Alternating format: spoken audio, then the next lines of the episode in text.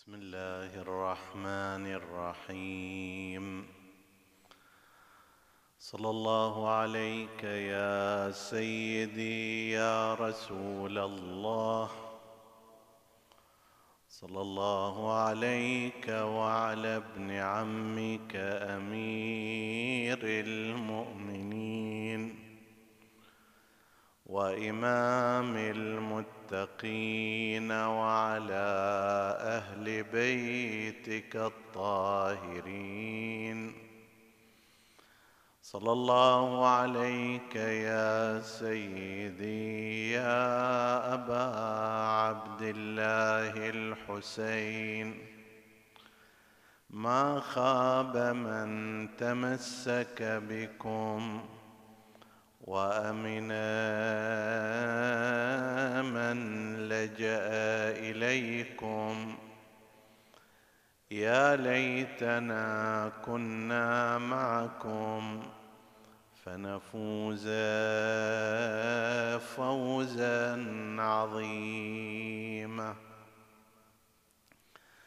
قال الله العظيم في كتابه الكريم بسم الله الرحمن الرحيم. لا تجعلوا دعاء الرسول بينكم كدعاء بعضكم بعضا. قد يعلم الله الذين يتسللون منكم لواذا فليحذر الذين يخالفون عن أمره أن تصيبهم فتنة أو يصيبهم عذاب أليم. آمنا بالله. صدق الله العلي العظيم. عطروا مجالسكم بذكر محمد وآل محمد.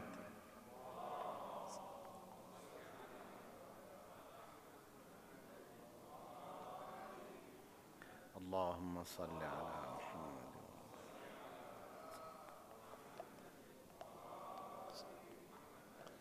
اللهم صل على محمد.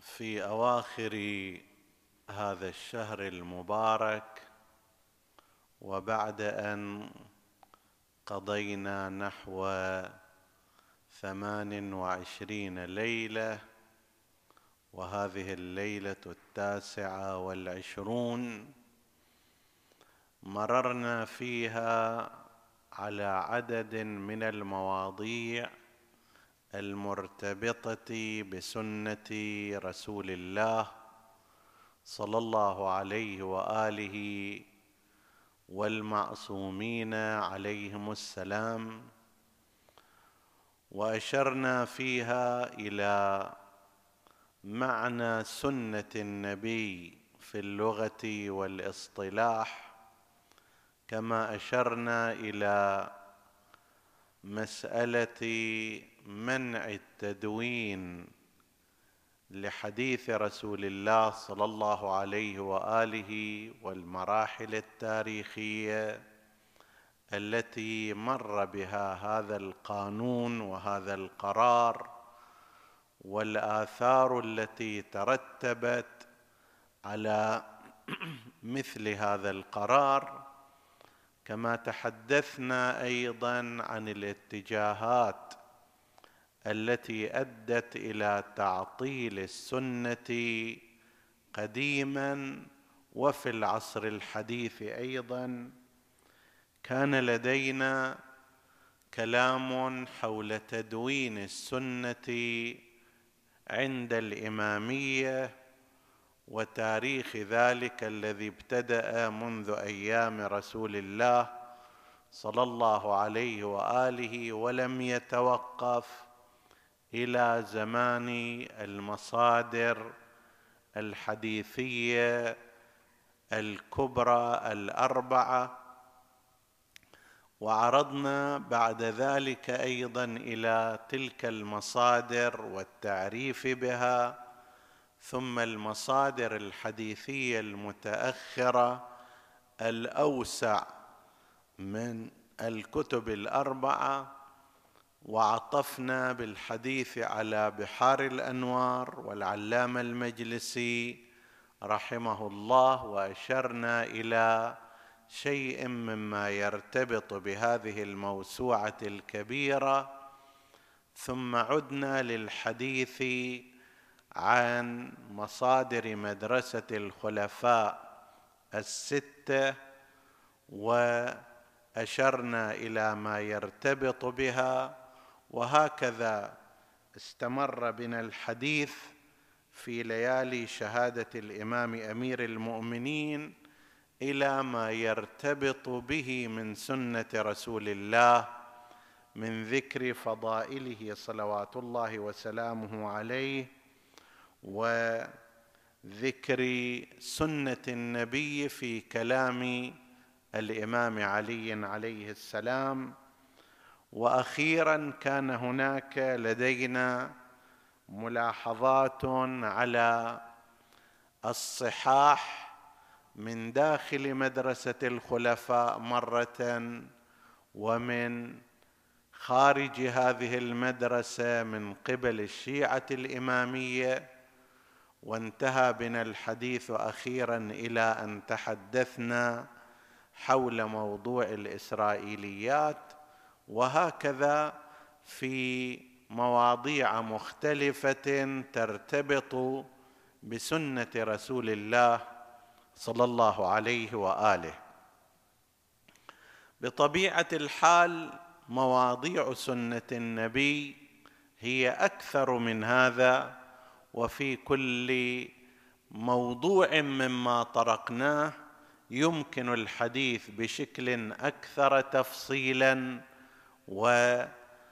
وأوسع ولكن هذا الذي حدث تبعا لمراعاة الزمان والمكان والمقام وظرف المستمع أيضا فانتهى بنا إلى هذا. المجال. حديثنا في هذه الليلة قد يكون خاتمة لهذه المباحث والمواضيع وهو واجبنا ودورنا ومسؤوليتنا تجاه سنة رسول الله صلى الله عليه وآله.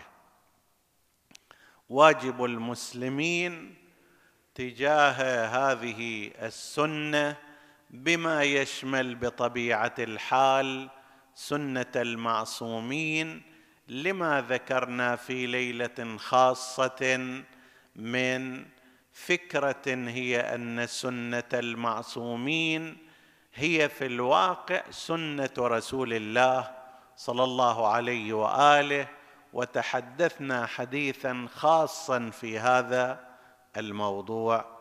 لذلك عندما نقول سنة النبي في بالنا أن ذلك أيضا يشمل ما قاله المعصومون عليهم السلام تبعا للحديث المعروف حديثي حديث أبي وحديث أبي حديث جدي وهكذا إلى أن يصل إلى رسول الله صلى الله عليه وآله. بعد كل هذا نشير إلى ما هي مسؤوليتنا ومسؤولية المسلمين تجاه سنة رسول الله صلى الله عليه وآله.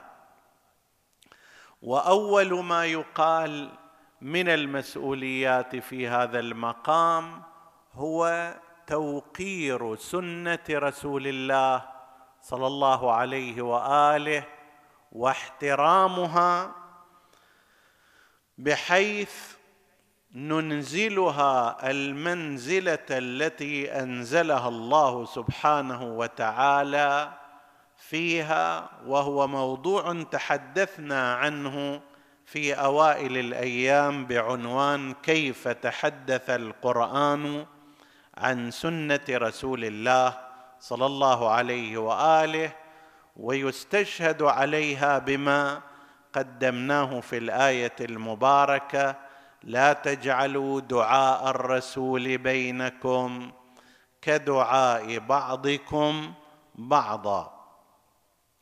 قضية الاحترام والتقدير وإعلاء المنزله بالنسبة إلى سنة رسول الله في قوله وفعله وتقريره هذا من أول الأمور لأنه بتقديره بتقديرها أي السنة بتقديرنا نحن المسلمين لهذه السنة نحن نمهد الأمر في النفوس لكي نطبق تلك السنة. وأما إذا تهاونا بها ورأيناها كلاما عاديا ورأينا سنة رسول الله كما يتحدث أحدنا وأن هذا رأي ولي رأي آخر هذا اجتهاد من رسول الله ولي اجتهاد آخر كما نقل ذلك عن معاوية بن أبي سفيان وقد رآه أبو الدرداء في الشام يلبس الحرير فقال له ألم تسمع رسول الله؟ يعني يظهر كان حاضرا معاوية في ذلك المجلس. ألم تسمع رسول الله صلى الله عليه وآله يقول لنا الحرير حرام على ذكور أمتي في الدنيا؟ وحلال على نسائها. ما سمعت هذا الكلام؟ فقال بلى ولكني لا أرى في ذلك بأسا. أنا رأيي انه ما ليس بحرام. النبي قال هذا وأنا رأيي مخالف إليه. عندما يستهان بسنة رسول الله وحديثه وكلامه والفرض أن هذا الرجل قد سمع الحديث من رسول الله. هذا مو مثل شخص اللي يقول أنا لم يثبت لي هذا الحديث وأنه جاء بخبر بخبر آحاد وفيه رجال غير ثقات وأنا عندي تشكيك في هذا الحديث. لا يقول له أنت مو سمعت ويانا أن النبي كان يقول هكذا؟ فقضية الاستهانة بسنة رسول الله أمر غير صحيح على الإطلاق من أي مسلم. طبعا هنا لا بد أن نفرق وقد ذكرنا هذا فيما مضى بين السنة الواقعية وبين السنة المنقولة. السنة الواقعية ما في مجال ابدا لكي يتخلف عنها الإنسان. السنة المنقولة تارة تصل إلينا بخبر الثقة المعتبر شرعا فهذا أيضا يكون حجة علينا فضلا عما لو وصلنا بشكل متواتر يعني من عدد من الأشخاص كبير. لكن حتى لو وصل إلينا بخبر الثقة فهو حجة علينا كما ذكر ذلك العلماء في بحوثهم. إذا وصل هذا الأمر أيضا ينبغي توقير هذه السنة وينبغي احترامها وينبغي اعتبار منزلتها اعتبارا عاليا وذلك لأن شرفها من شرف من أضيفت إليه وهو نبينا محمد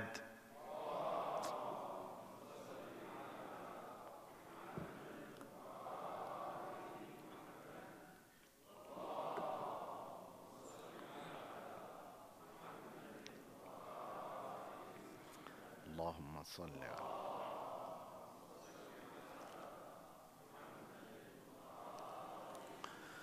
لاحظوا فكرة وهي أن الأشياء تكتسب شرفا ومنزلة من شرف الذات التي أضيفت لها. وهذا كما هو في الأعراف كذلك هو في الأديان. الآن إذا يجي أمر أن ينفذ القانون الفلاني. تارة يجي من إنسان عادي لا قيمة له.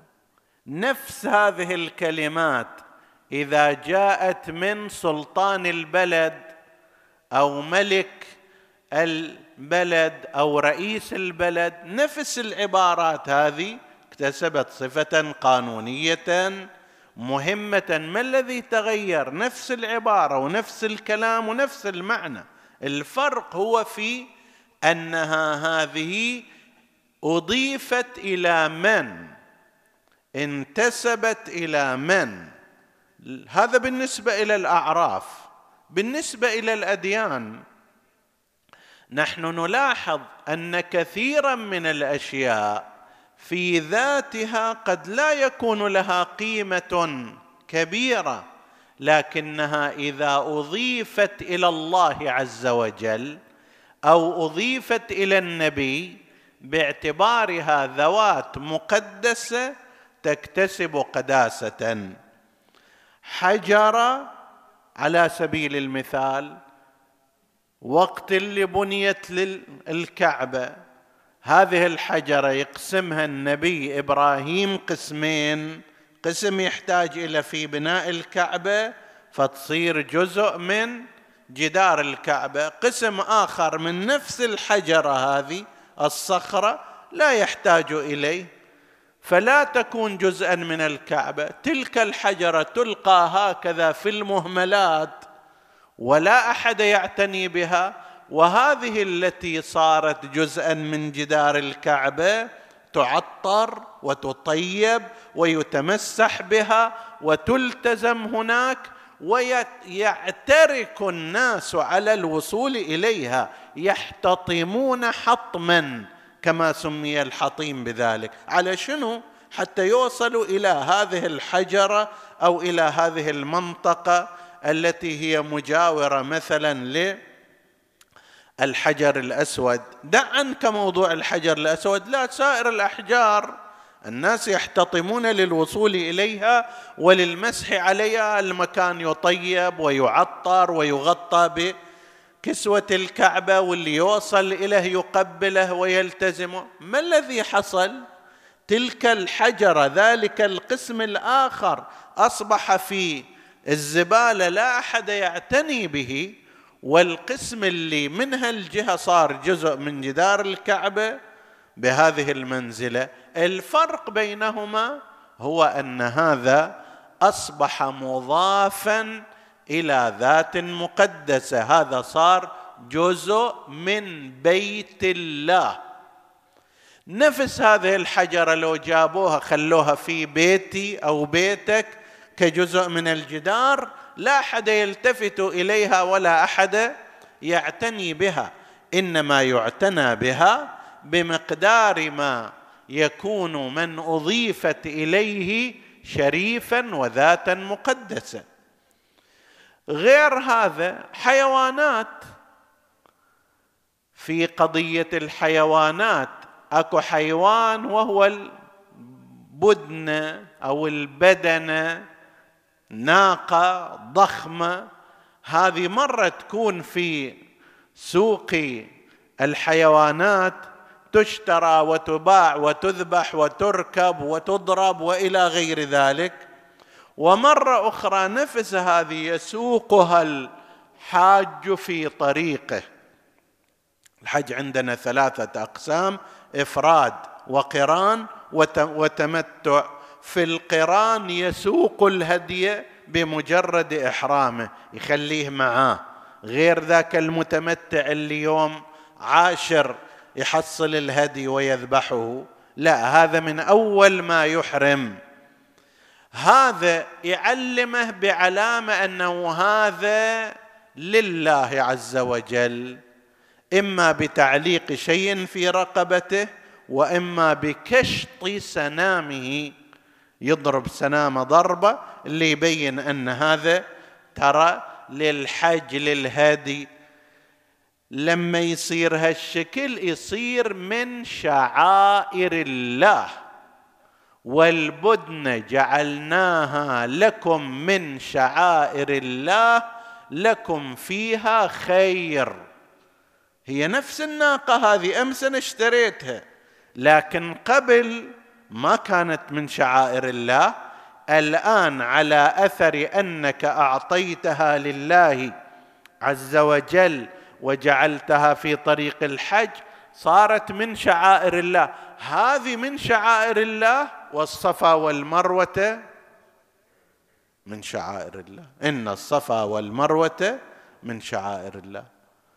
ما الذي حصل بالنسبة إلى هذه البدنة أو الناقه أو غير ذلك. فارق يوم واحد اليوم السابق ما كان لها قيمة ولا توقير ولا غير ذلك لأنها ملك فلان. اليوم أصبحت لله عز وجل فانئذ صارت من شعائر الله. الجلد اللي على القرآن الكريم تجليد على القرآن الكريم أنت تقبله وتمسح به عينك وترجو بذلك من الله العافية عافاكم الله وإيانا ومن يسمع وتتبرك به. طيب وتمسح به بدنك املا في الشفاء واملا في العافية ويتحقق ذلك أيضا في أكثر الأحيان. نفس هذا الجلد كان مقسوم قسمين.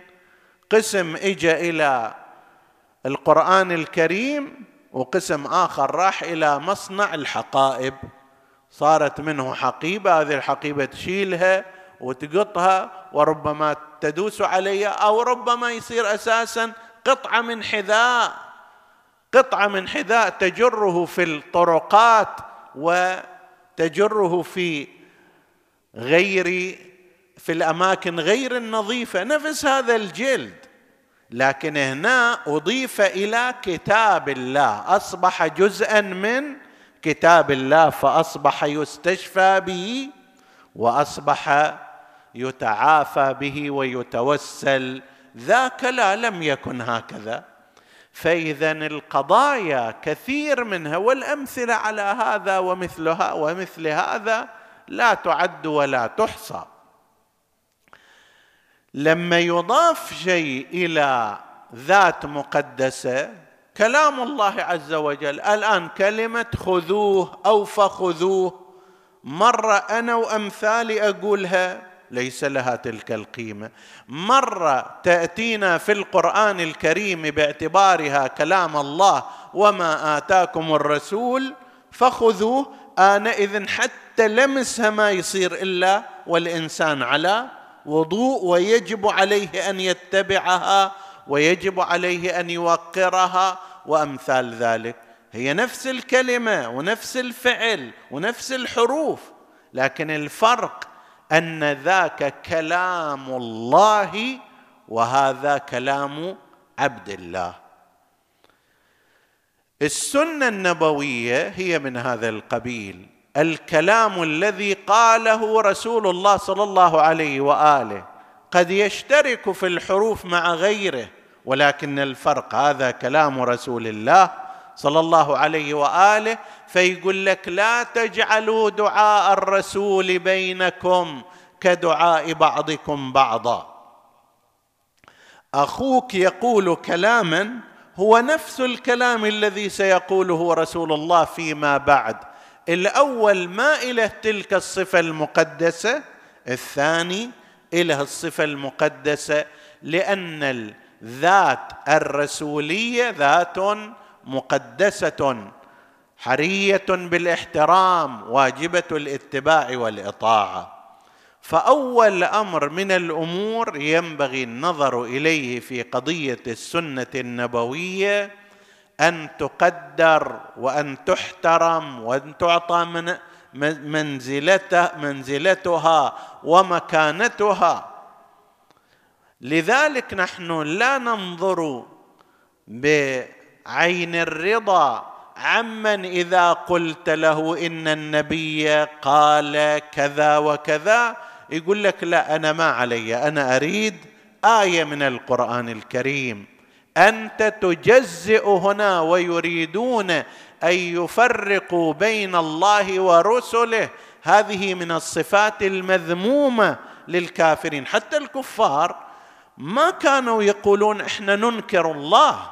لئن سألتهم من خلق السماوات والأرض ليقولن الله. لكن أنت أن نتبعك لا. الله إحنا نقول نعم هو خالق السماوات هو خالق الأرض هو المستحق للطاعة. لكن أن أنت تقول لنا سووا واعملوا صلوا صوموا كذا هذا لا لا نسمع منك. فيفرقون بين الله ورسله. هذا في بعض المعاصرين.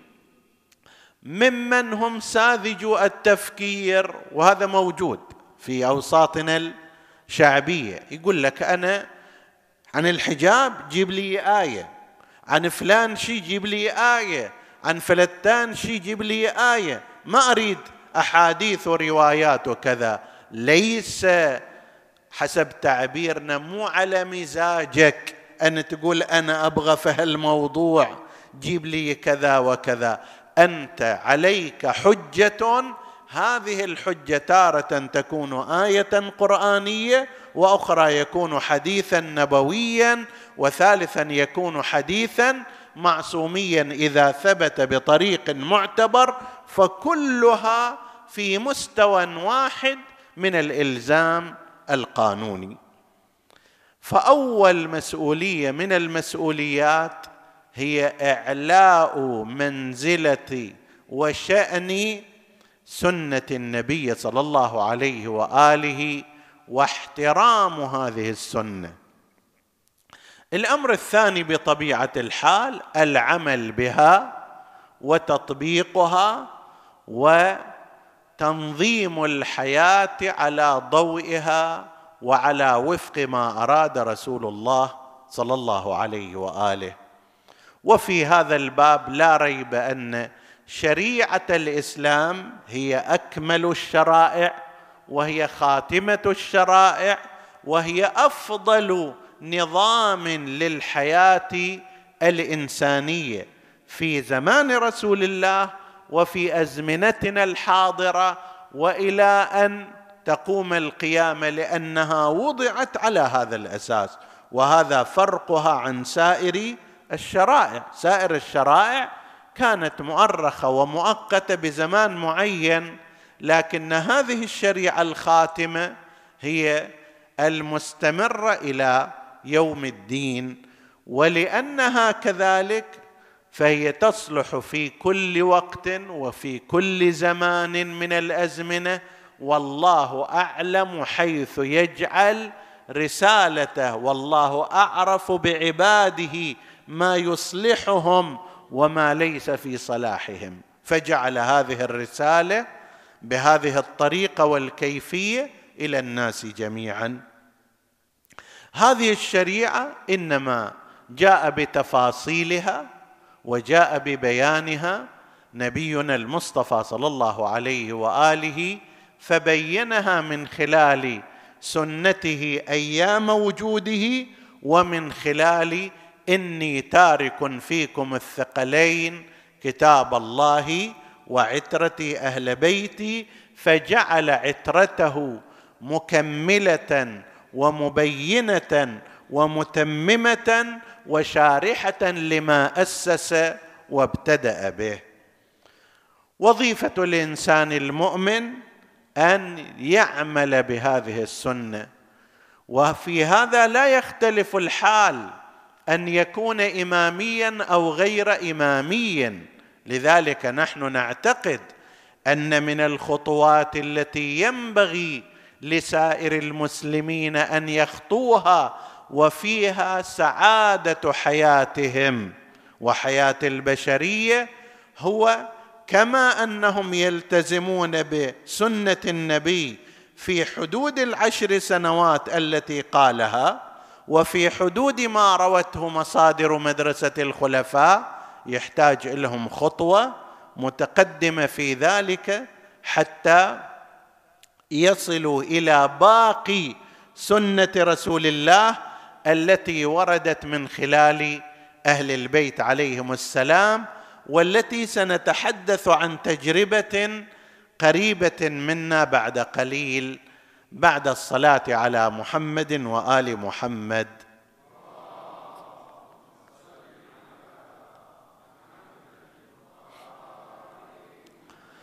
إن التعرف على سنة رسول الله بل سنن رسول الله والحقيقة هي معجز هذا النبي العظيم في كيفية إدارته للأمور وتسييرها. أحد علمائنا وفقهائنا وهو الشيخ محمد حسين كاشف الغطاء رحمه الله كان مرجع تقليد في زمانه وله كتب كثيرة نافعة.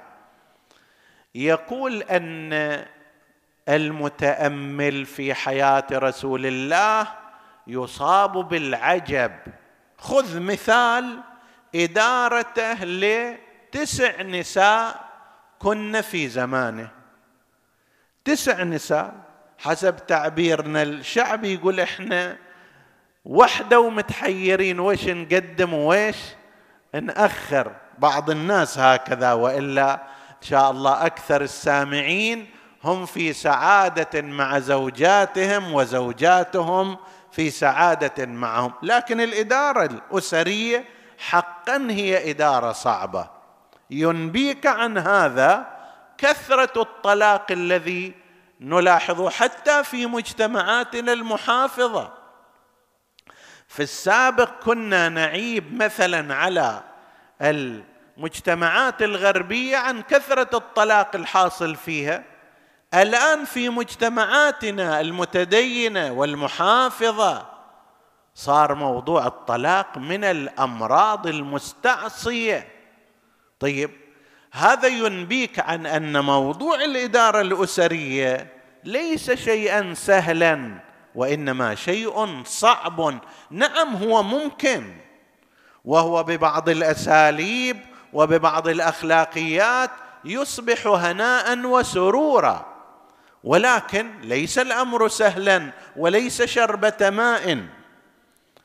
هذا إذا كان الإنسان عنده زوجة أو زوجتان فكيف إذا كان عنده تسع زوجات؟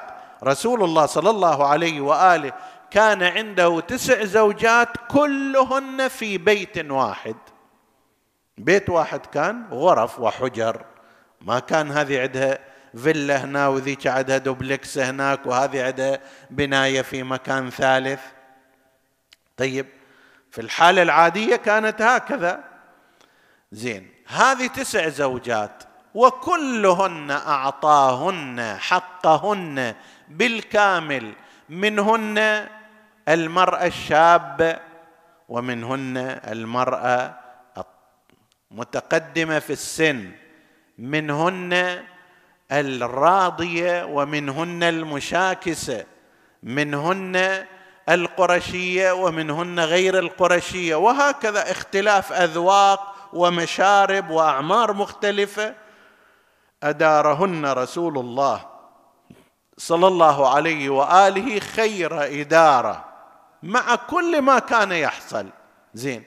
هذا واحد مو شخص متفرغ حسب تعبيرنا واحد عنده تسع زوجات وقاعد على هالشغلة بس. كان عنده بمعدل في كل شهر ونص في عشر سنوات كل شهر ونص كان عنده عمل عسكري إما ضخم وكبير أو مختصر وصغير. ليش؟ لأن غزوات وسرايا رسول الله زادت عن الثمانين. أكثر من ثمانين غزوة وسريه كما روي عن المعصومين عليهم السلام لقد نصركم الله في مواطن كثيرة قال عددنا مواطن رسول الله فوجدناها ثمانين ونيفا. زين. ثمانين غزوة ومعركة بين كبيرة لازم يروح النبي فيها وبين صغيرة لازم بس يرسل أحد ويظل يتابع ويشرف ويخطط وإذا رجع ويشوف شنو الموضوع. زين. ثمانين سنة في عشر سنوات يعني في كل سنة كم؟ ثمان. غزوات وسرايا. ثمان غزوات وسرايا في السنة يعني في كل شهر ونص تقريبا هناك عمل عسكري. عمل عسكري بعضه يحتاج إلى مدة في الرواح ومدة أخرى في المجيء مثل خيبر ومثل فدك وأمثالها. أي مسافات بعيدة وتبوك وغيرها. طيب وفتح مكة والطائف كلها أماكن بعيدة. زين. هذا هم عنده هالشكل هم عنده أعمال عسكرية بمعدل كل شهر ونص عنده إدارة مجتمع. على الأقل قضية التوجيه الثقافي والتوجيه الفكري والحديث معه قريب من ألف خطبة خطب رسول الله صلى الله عليه وآله في المدينة المنورة خطب الجمعة قريب من ألف خطبة.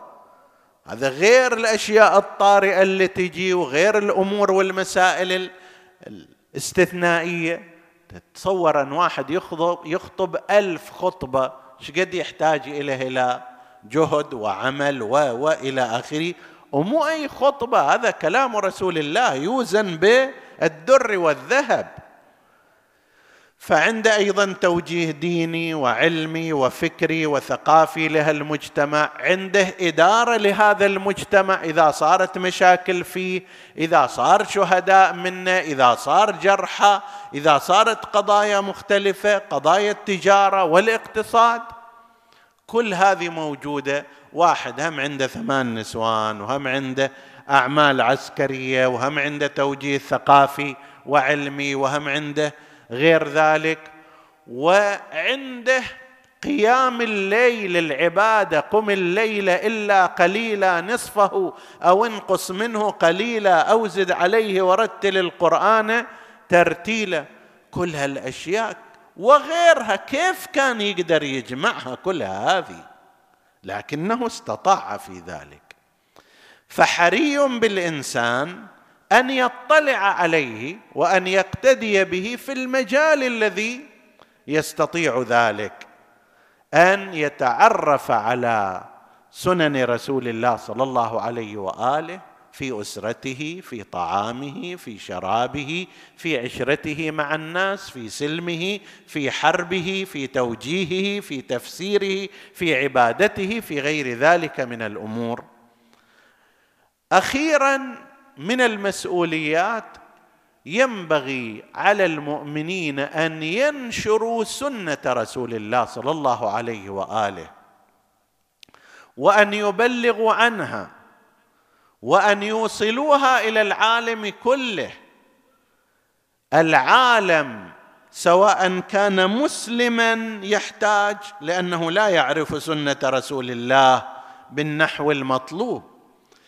وأما غير المسلم فبالعكس إنما يعرف أشياء سيئة عن سنة رسول الله وعن سيرته وحياته. شوهت صورة رسول الله بفعل أعداء الإسلام وبفعل مغفلي الإسلام ممن فجروا وهتكوا وعملوا ما عملوا ونسبوا كل ذلك إلى رسول الله. فتشوهت هذه السيرة. أنا وإنت أيها المسلم مسؤولون عن إيصال الصورة الحقيقية لسنة رسول الله صلى الله عليه وآله إلى العالم إلى المسلمين اولا ثم إلى العالم كله. ولا تقول أنه أنا وش أقدر أسوي؟ لا عندي قناة فضائية لا عندي مطبعة أطباع لا أنا من أهل العلم الكثير ولا أنا من أهل الأموال الطائلة. طيب فاتقوا الله شنو؟ ما استطعتم. تقدر يوميا ترسل حديث من أحاديث رسول الله لو لا؟ هذا تقدر تسوي؟ ما, ما حد ما يقدر يسوي. بدل ما تدز لك صباح الخير والعصافير تزقزق على الأشجار والما أدري كذا تصنع في الأزهار وإلى آخره. أرسل تذكرة بحديث من أحاديث رسول الله صلى الله عليه وآله. رب حامل فقه إلى من هو أفقه منه لعل أنت ما تقدر تستنبط منه أشياء غيرك يستنبط منه. أنت أديت مسؤولية في الإيصال. ماذا لو أن إنسانا بدأ هكذا؟ مثل ما ورد عندنا من حفظ عني أربعين حديثا بعثه الله يوم القيامة عالما فقيها. وفي حديث آخر بعثه الله معي في الجنة. حديث عن رسول الله صلى الله عليه وآله وينسب إليه. أربعون حديث. ابدأ برنامج مثلا أن تبعث أحاديث رسول الله على مدى شهرين أنت باعث اليك عدد كبير من هذا. فينطبق عليك هذا الحديث بنحو من أنحاء الانطباق أنك حفظت حديث رسول الله ولو حفظته على الورقة ولو حفظته على الإنترنت ولو حفظته في نفوس الآخرين. طيب فتحصل لك هذا الثواب والأجر وتعمم بذلك سنة النبي وأحاديثه وسيرته. شوف لك كتاب من الكتب المفيدة التي تحدثت عن سنة رسول الله صلى الله عليه وآله. كل يوم أخذ منه فكرة واحدة وانشره في من تعرف. إذا على مدى سنة كاملة تشوف خليت الناس يقرؤون كتابا في سيرة رسول الله وفي سنته وفي حياته ونشرت بينهم فضائله صلوات الله وسلامه عليه. وأمثال هذا شوف بعض علمائنا بعض علماء الإسلام اجمالا هذا من حفظ عني أربعين حديثا كثير من العلماء ألفوا بس في هذا. مثل الأربعين النووية ليست أربعين صاروخ نووي وإنما أربعين حديثا عن رسول الله ألفها الإمام النووي أحد أعلام مدرسة الخلفاء وعرفت بالأربعين النووية.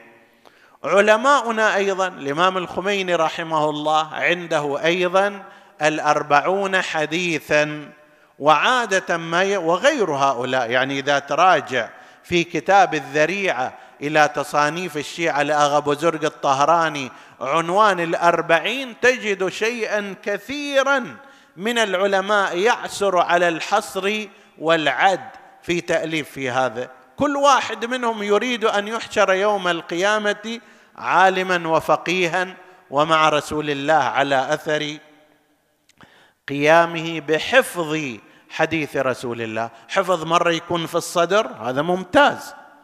الحفظ مرة يكون في الأسطر كتاب هذا ممتاز. الحفظ مرة يكون بشرح هذه الأحاديث كذلك. وهكذا أنت تستطيع أن تقوم بدور في سنة رسول الله ونشرها. عندك طريقة.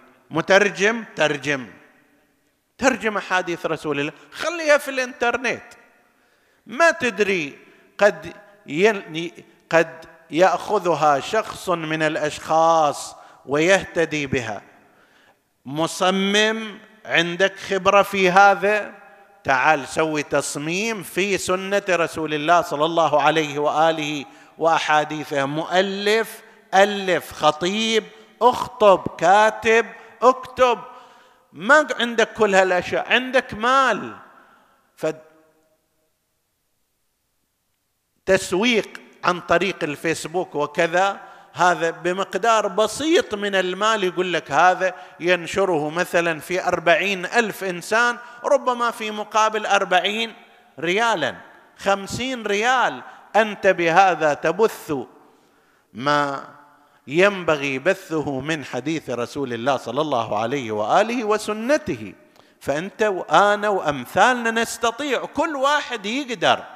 يستطيع ذلك أن يصنع. للأسف إحنا يعني قسم من المسلمين متى شوية نستنهض؟ لما يسووا الغربيون بعض الغربيين المعاندين يسوون مثلا فيلم ضد النبي يحرقون القرآن يشتمون النبي يسوون كاريكاتير على النبي. تقوم دماءنا تغلي وتفور وبعضنا من الحمقى يروح يسوي لك أعمال. تفجيرية وإرهابية وإلى آخره فتنقلب علينا أيضا مرة أخرى. ليش الأمر هكذا؟ خلي يكون الإنسان بدل ما هذا يكون المثير له في العمل إحساسه بالمسؤولية تجاه رسول الله وتجاه سيرته. مو إذا اعتدوا على النبي أنا تحمى دمائي. أنا لا أعتقد أن الناس محتاجون إلى سنة رسول الله وهذا خط مستمر أشتغل فيه من أول السنة إلى آخر السنة. خل أشتغل في هذا بمقدار ما أستطيع. هذا أمر من الأمور. أكو بعض الناس لا عندهم قدرات أكبر وهذه القدرات نحن ندعو إلى الاستثمار فيها واستغلالها. قلت للأسف إحنا كثيرا ما المسلمين كثيرا ما نكون نحن المسلمين. يعني حالة من الانفعال لما صارت مشاكل حول رسول الله اللي سوى موقع واللي سوى قناة واللي سوى كذا واللي سوى كذا هدأت الموجة تراجع الجميع. مفروض يكون عملنا عمل مستمر.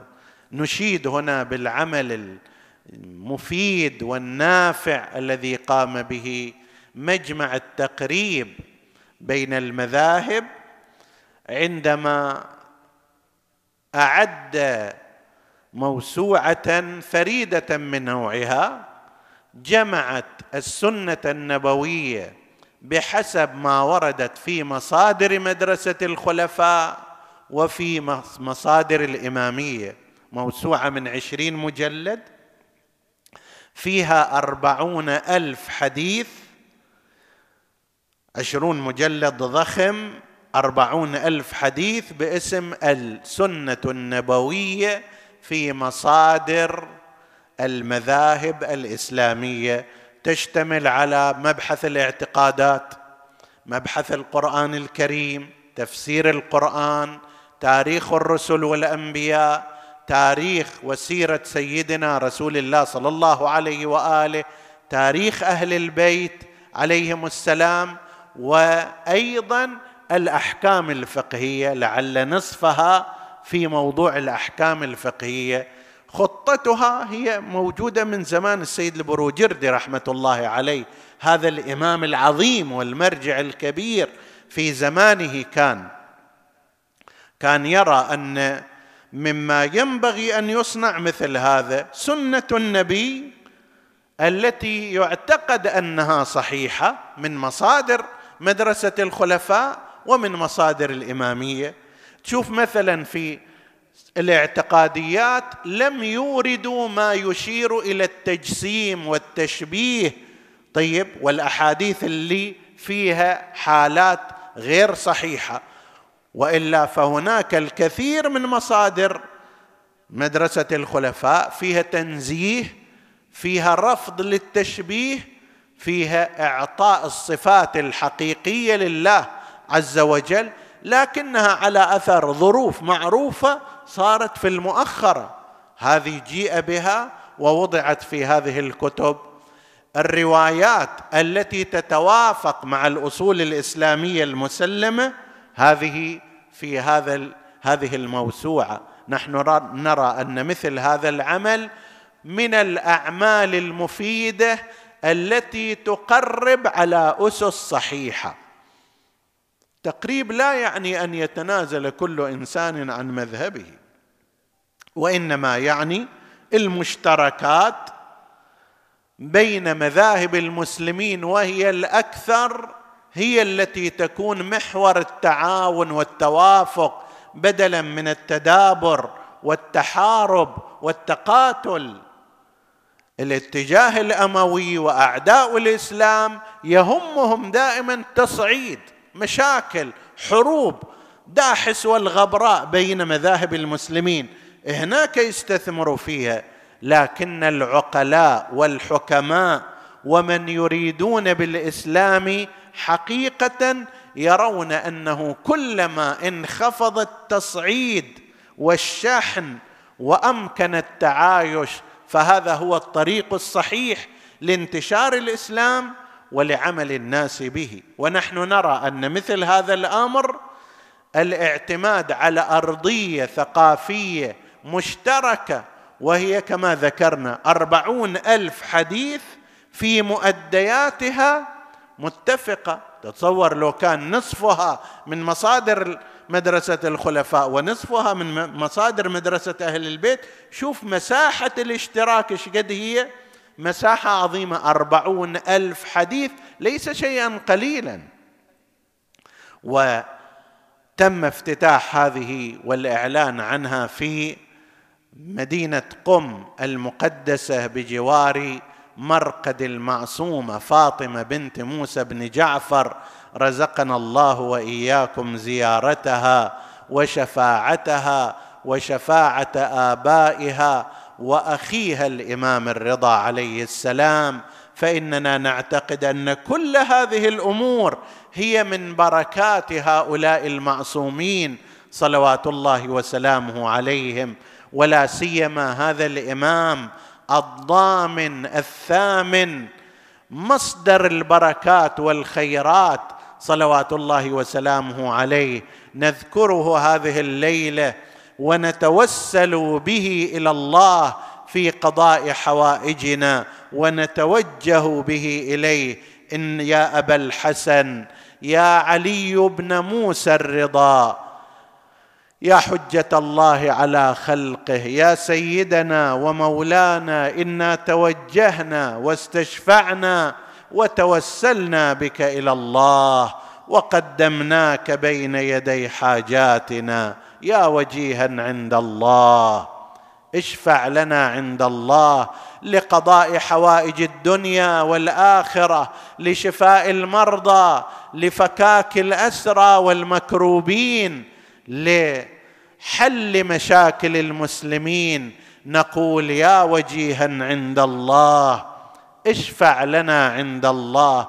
وهو أحد الشفعاء الذين أمرنا أن نتخذ هؤلاء إلى الله وسائل ووسائط وشوافع لنا عنده. سبحانه وتعالى الإمام الرضا هو الوحيد فيما رأيت ولعلي لا أكون مشتبها في هذا الوحيد من المعصومين الذين نعى نفسه شعرا قبل شهادته. باقي المعصومين عليهم السلام نعوا يعني الامام يعني رسول الله نعى عليا عليه السلام ونعى الحسين عليه السلام والحسن وغيرهم. بعض الأئمة أخبروا عن مصارعهم في أيام حياتهم ولكن كأن الوحيد الذي نعى نفسه شعرا وقرأ مصيبته بالقصيد فيما رأينا هو الإمام الرضا عندما سمع قصيده دعبل الخزاعي مدارس آيات خلت من تلاوة ومنزل وحي مقفر العرصات لآل رسول الله بالخيف من منى وبالبيت والتعريف والجمرات إلى أن يصل إلى قوله دعبل يقول وقبر ببغداد لنفس زكية الامام موسى بن جعفر.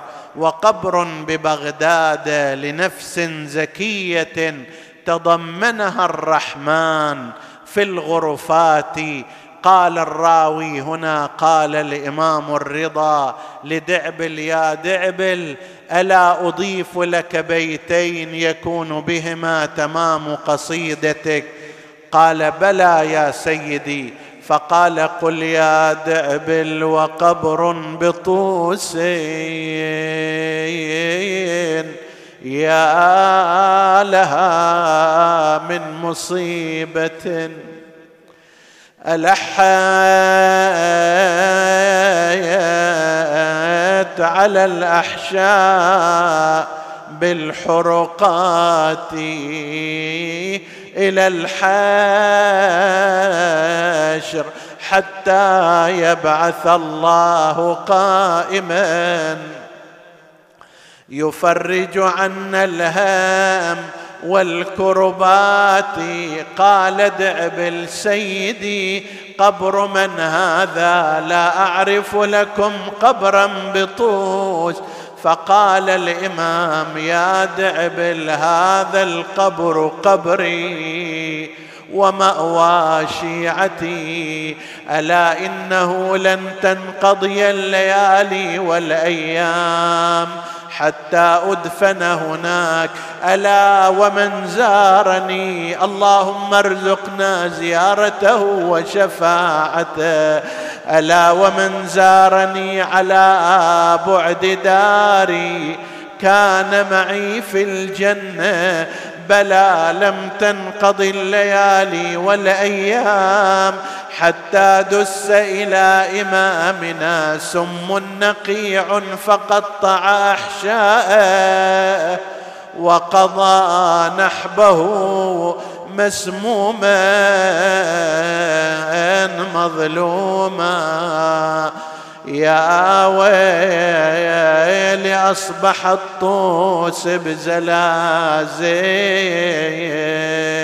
والخلق كلها بعويل.